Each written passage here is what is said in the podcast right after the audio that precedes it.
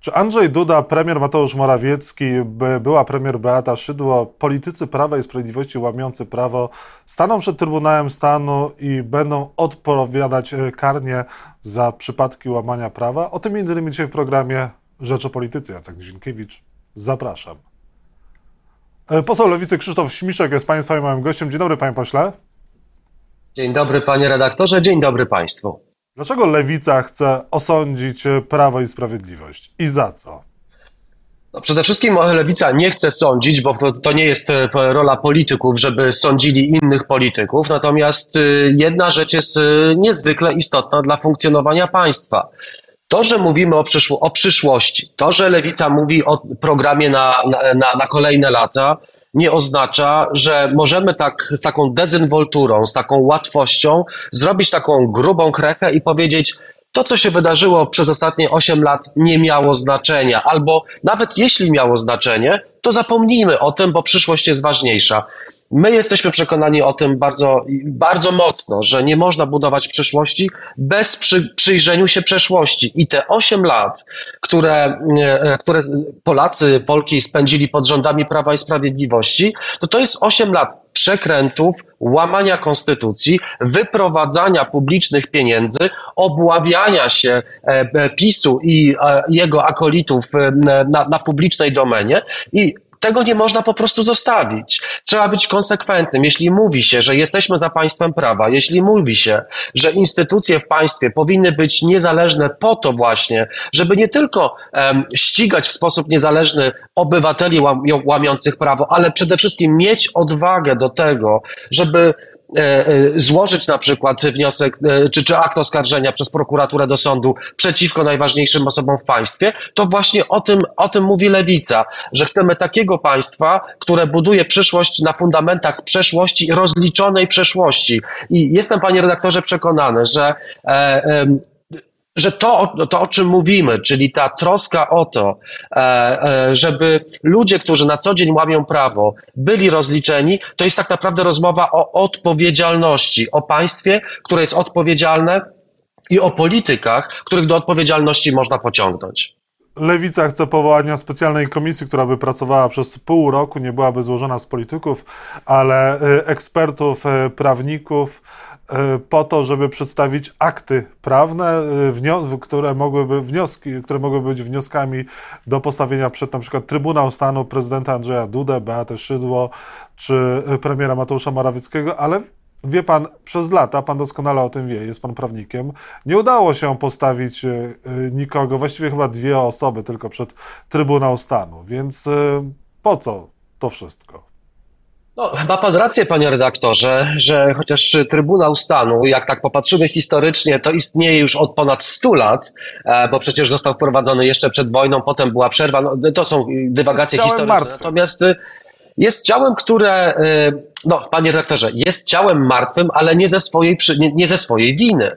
E, Trybunał Stanu, Stanu nie działa z urzędu. Trybunał Stanu działa na wniosek określonej liczby parlamentarzystów, którzy chcą rozliczyć czy to prezydenta, czy to na najważniejszych urzędników w państwie. I e, panie redaktorze, ja mam takie przekonanie, że nie powinniśmy, nie, nie powinniśmy się zajmować dyskusją, czy Trybunał Stanu działa, czy też nie działa, bo on działa tak, on ma takie kompetencje, kompetencje, jakie powinien mieć. My powinniśmy mówić o tym, czy politycy w Polsce w roku 2023 i przez ostatnie 30 lat byli w stanie rozliczyć samych siebie. I okazuje się, że nie byli, bo jedynymi osobami skazanymi, e, czy też którymi zajmował się na serio Trybunał Stanu, to były dwie osoby, które pod koniec PRL-u e, były zamieszane w aferę alkoholową. I teraz mamy do czynienia z sytuacją, w której nie mamy debaty prawdziwej, ale też nie mamy nacisku na polityków e, ze strony opinii, opinii publicznej, e, którzy, która mogłaby zmotywować tych polityków. I dlatego, panie redaktorze,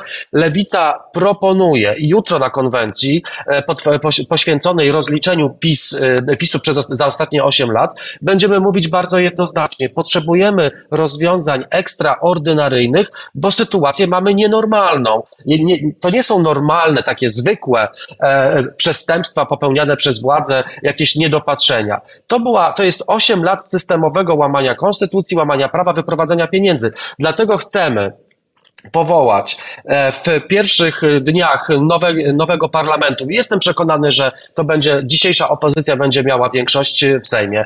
Powołania specjalnej komisji, która po prostu na sześć miesięcy, e, złożona z, z, e, ze specjalistów i ludzi cieszących się autorytetem, będzie rozpatrywała też te osiem lat działania Prawa i Sprawiedliwości, sporządzi raport i przedstawi ten raport marszałkowi Sejmu i marszałkowi Senatu. Dlaczego? Dlatego, że potrzebujemy szczerej, być może bolesnej, być może ostrej debaty parlamentarnej, która będzie obserwowana i która będzie włączała także opinię publiczną i obywateli, i w ten sposób chcemy wytworzyć to, ten nacisk na, na, na polityków, żeby w przypadku głosowania, na przykład nad złożeniem wniosku do Trybunału Konstytucyjnego, e, przepraszam, Trybunału Stanu, e, żeby nie nadzieli się w toalecie, albo żeby nie, y, nie udawali, że nie zdążyli na pociąg do Warszawy. Więc o to chodzi. Chodzi o to, żeby żeby wywołać pewnego rodzaju nacisk i atmosferę sprzyjającą rozliczeniom. I jedno, jedną rzecz, panie redaktorze, muszę zaznaczyć. Oczywiście już odzywają się głosy, że lewica przesadza, że tego typu komisje powstawały na przykład reży- po, po, upadku różnych, różnego rodzaju reżimów, że tak było w RPA po apartheidzie, czy tak było w Chile, gdzie ginęli ludzie um, zrzucani z helikopterów i samolotów e, do oceanu. No nie, no nie mamy w Polsce sytuacji, w której ludzie giną na ulicach dlatego, że e, nie zgadzają się z władzą. Natomiast dlatego też zaznaczam, że to, żeby zachować wszelkiego, wszelkie proporcje. My chcemy komisji nie jaczejki politycznej, tak jak chce Prawo i Sprawiedliwość, żeby ścigać e, opozycję, żeby to był młot na opozycyjne czarownice. My nie chcemy, nie chcemy komisji, która będzie wchodziła w buty sądu. My nie chcemy komisji, która będzie wchodziła w buty prokuratury. My nie chcemy tworzyć żadnego prawnego Frankensteina, który będzie e, ni to organem władzy publicznej, ni to e, sądem, ni to prokuraturą, tylko po prostu chcemy szczerej dyskusji profesjonalnej, odpolitycznionej przez te pierwsze sześć miesięcy, żeby można było bez tego zarzutu jakiegoś, jakiegoś drugiego dna i drugiej agendy zaprezentować wyniki tej pracy, wyniki tej pracy e, społeczeństwu i parlamentowi. Kogo chcecie postawić przed Trybunałem Stanu?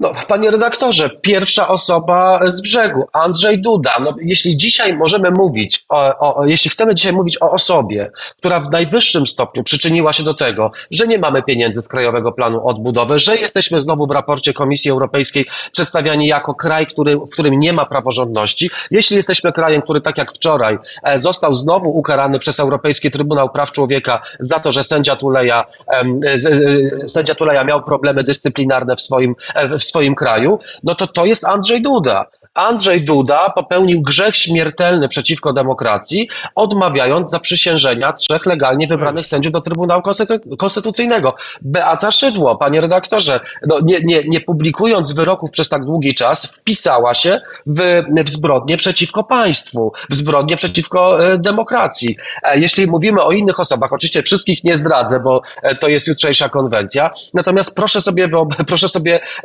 pomyśleć, jak wypływały z, Polski, z polskiego polskiego budżetu pieniądze. Ostrołęka 2 miliardy wywalone w błoto, 70 milionów złotych na wybory kopertowe, które się nie odbyły, e, wybory kopertowe zarządzone na podstawie przepisów, które nie istniały. I tak możemy mówić więcej i więcej i więcej. W tym raporcie mamy określonych 10-12 osób, natomiast y, y, oczywiście to jest otwarta księga, bo tych osób, które od tych najniższych szczebli, panie redaktorze, i mówię o tu osobach typu pan y, Kaczmarczyk z, ze słynnym traktorem, po najwyższe, y, po najwyższe urzędy pisowskie, czyli Jarosław Kaczyński, tych osób jest, tych osób jest znacznie, znacznie więcej. No ale pan doskonale, no, nie ma wśród tych osób Jarosława Kaczyńskiego. Dlaczego?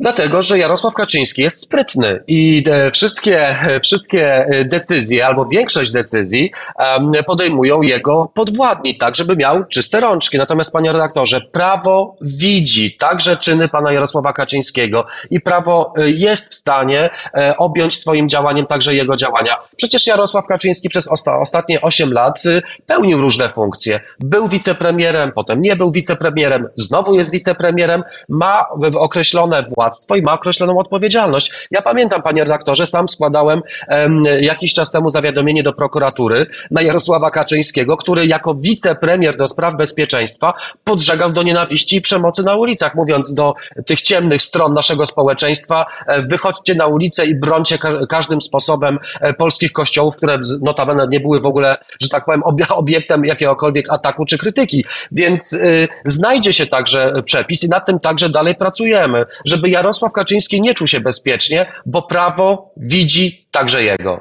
Panie pośle, ale nie znajdzie się większość e, w parlamencie do tego, żeby postawić wspomniane wcześniej osoby przed Trybunał Stanu. Panie redaktorze, to jest Pana zdanie. Ja jestem politykiem na trzy miesiące przed wyborami i tak jak cała moja formacja gryzę ziemię i trawę, żeby e, opozycja i lewica miała jak najlepszy wynik w, e, w wyborach. Wierzę, po pierwsze wierzę w to, że uda się zgromadzić e, odpowiednią liczbę liczbę podpisów, jeśli chodzi o wniosek, a potem o głosowanie. Natomiast y, y, dla mnie liczy się także, jako dla prawnika, pewien dodatkowy element, to znaczy prawo prawem, ale także mamy okoliczności społeczne i polityczne. Ja uważam, że wytwarzanie takiego nacisku, wytwarzanie atmosfery konieczności rozliczenia i co najważniejsze, nie, pozwo- nie możemy pozwolić na zapomnienie. Ja jestem przekonany, panie redaktorze, że 16 października, bo prawdopodobnie 15 października będą wybory, 16 października okaże się, że opozycja wygrała i my będziemy mieć tysiąc rzeczy na głowie innych niż, niż rozliczanie PiSu. I właśnie po to dzisiaj o tym mówimy, żeby w ferworze no, układania państwa na nowo, w ferworze zmiany władzy nie zapomnieć i znowu powiedzieć, nie, nie machnąć ręką i powiedzieć, no dobra, no to idziemy do przodu, budujemy lepszą Polskę, co było, to było, idzie w niepamięć. Tak się nie może zdarzyć, bo jeśli tego nie rozliczymy, to za cztery lata być może ta opozycja znowu straci władzę i przyjdą tacy troglodyci, którzy już będą w świetle reflektorów rozkradali państwo, którzy będą e, e, konstytucję traktowali, no cytuję tutaj klasyczkę, jak szmatę i, nik- i nikomu włos z głowy nie spadnie. I wtedy dopiero będziemy mieli problemy. Pan wyobraża sobie współrządzić z Polską 2050 Szymona Hołowni, z którym macie tak różne zdanie, chociażby w kwestii y, aborcji? Panie rektorze, my jako opozycja demokratyczna do 15 października e, zawarliśmy pakt e, o tym, że się wspieramy i wyobrażam sobie rządy e, Lewicy, Hołowni, Kosiniaka i Tuska. Absolutnie po to idziemy do wyborów. Żadna z naszych partii nie wygra samodzielnie. To po pierwsze. Platforma nie wygra sama, nie będzie miała 235 mandatów samodzielnie. Lewica Podejrzewam, że też nie wygra samodzielnie, e, to podobnie jak inne partie opozycyjne. Musimy zrobić e, no- nowy rząd, zrobimy nowy rząd i będziemy rozmawiali o wszystkich, e, także tych trudnych tematach, które nas w pewnym sensie dzielą, czy, ale trzeba mieć na, na horyzoncie, na końcu pewną wizję, wizję przywracania państwa prawa. Więcej nas łączy, e, łączy nas szacunek do samorządów, łączy nas szacunek do Europy, łączy nas konieczność pozyskania pieniędzy z KPO i z funduszu tego budżetu podstawowego Unii Europejskiej, łączy nas nasza obecność w Unii i łączą nas prawa człowieka. O, o inne rzeczy będziemy się spierać, dlatego że jesteśmy z różnych partii, ale dzisiaj potrzeba nowego otwarcia i Lewica chce takie nowe otwarcie zrobić ze wszystkimi e, partiami opozycyjnymi na tej demokratycznej e, stronie. Lewica zgodzi się na Donalda Tuska jako premiera?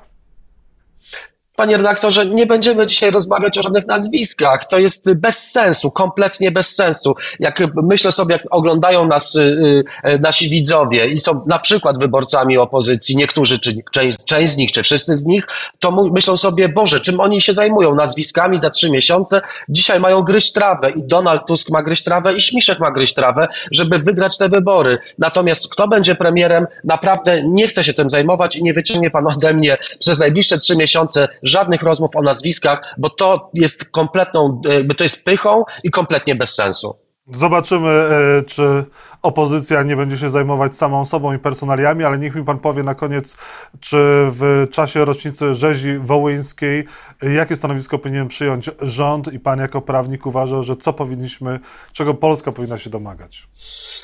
No ja uważam, że tak jak od rozliczenia PiSu nie można uciekać i trzeba to rozliczać, tak od y, historii powinniśmy także rozmawiać. I ja y, byłem w parlamencie, kiedy był przewodniczący e, parlamentu ukraińskiego, kiedy mówił, e, i to było niezwykle wzruszające, i to był moim zdaniem bardzo dobry krok, i wszyscy wstaliśmy i klaskaliśmy, e, dlatego że powiedział bardzo, bardzo wyraźnie. Są trudne momenty w naszej historii, on za to przeprasza, wie, e, jak ciężkie jest dla, e, dla Polaków e, ten, ten element naszej wspólnej historii i trzeba o tym rozmawiać. Ja jestem ostatnią osobą, która chciałaby zamiatać pod dywan, ale robienie z tego oręża politycznego i tak jak wczoraj mieliśmy haniebne wystąpienie pana posła Brauna z mównicy sejmowej, który mówił o reżimie kijowskim i który mówił o Ukraińcach najeżdżających Polskę, to, to ja się od takiej retoryki odcinam i uważam, że cała Polska powinna się od tego typu osób odwracać plecami. Rozmawiajmy nawet o tych trudnych sprawach i jestem przekonany, że dojdziemy do.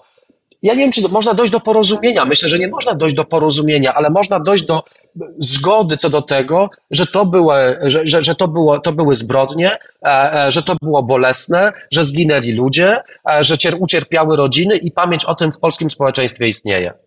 Krzysztof, Krzysztof Śmiszek, e, poseł Lewicy, był Państwa i moim gościem, a w sobotę na konwencji Lewicy dowiemy się, kto jeszcze O dziesiątej. może, może odpowiedzieć prawnie w przyszłości, jeżeli dojdzie do zmiany władzy z polityków Prawa i Sprawiedliwości. Dziękuję za rozmowę, dobrego weekendu. Dziękuję serdecznie. Wszystkiego dobrego. Dziękuję, wszystkiego dobrego.